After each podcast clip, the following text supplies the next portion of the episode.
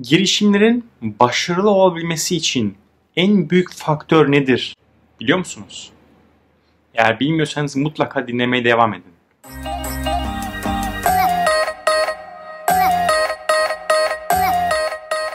Bill Gross adında bir girişimci Idea Lab çatısı altında yüzden fazla girişim kurdu.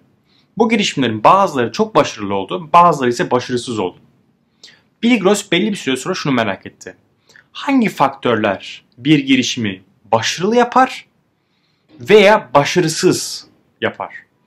Bunu anlamak için 5 ana faktörü ele alarak hem kendi girişimlerini başarılı ve başarısız olanları değerlendirdi hem de bizim bildiğimiz bazı girişimleri değerlendirdi. Gelin şimdi bu 5 faktöre bakalım. Birinci faktör fikir. Aklımdaki fikir süperse girişimimde başarılı olur mu acaba? İkinci faktör takım. Yani süper bir takım kursam bu benim başarılı olma oranımı arttırıyor mu? Bu faktör önemli mi? Üçüncü faktör iş modeli. Yani öyle bir iş modeli kursam ki ilk günden fatura kesmeye başlasam başarılı olma oranım artıyor mu? Dördüncü faktör yatırım. Acaba büyük bir yatırım alsam, arkasından büyük bir ekip kursam mi daha başarılı olurum? Beşinci faktör ise zamanlama. Yani fikrim dün mü yapmalıydın yoksa bugün tam zamanı mı veya zamanı gelmedi önümüzdeki günlerde, aylarda, yıllarda mı yapmalıyım? Şimdi bu faktörler doğrultusunda bu girişimleri değerlendirdi.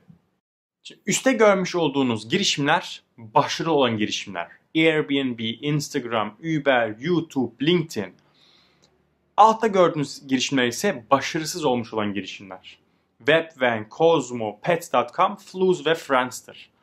Şimdi bu girişimleri biraz önce saydığım o 5 faktör doğrultusunda değerlendirdi. Her birine puan vererek genel resme bakmaya çalıştı. Ve bir sonuca ulaştı. Peki sizce bu 5 faktörün en önemlisi hangisi? Videoyu bence pauselayın, yoruma yazın. Evet, yazdıysanız söylüyorum. Evet, tahmin etmiş miydiniz? Yoksa şaşırdınız mı? En önemli faktör zamanlama arkadaşlar.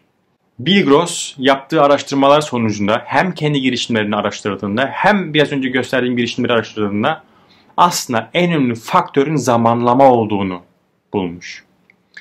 Basit bir örnek. Airbnb.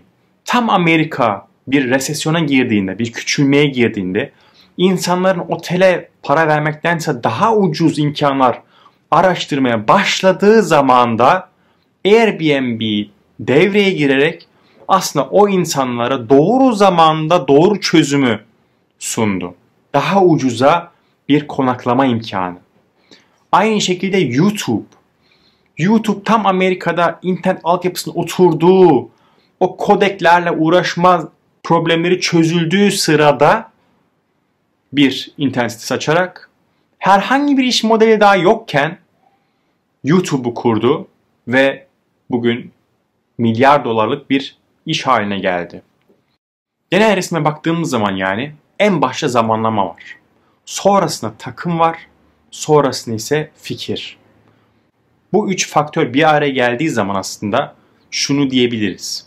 Evet bu girişimin başarılı olma olasılığı daha yüksek. Ama başarılı olacağı tabi hiçbir şekilde kesinleştirmiyor.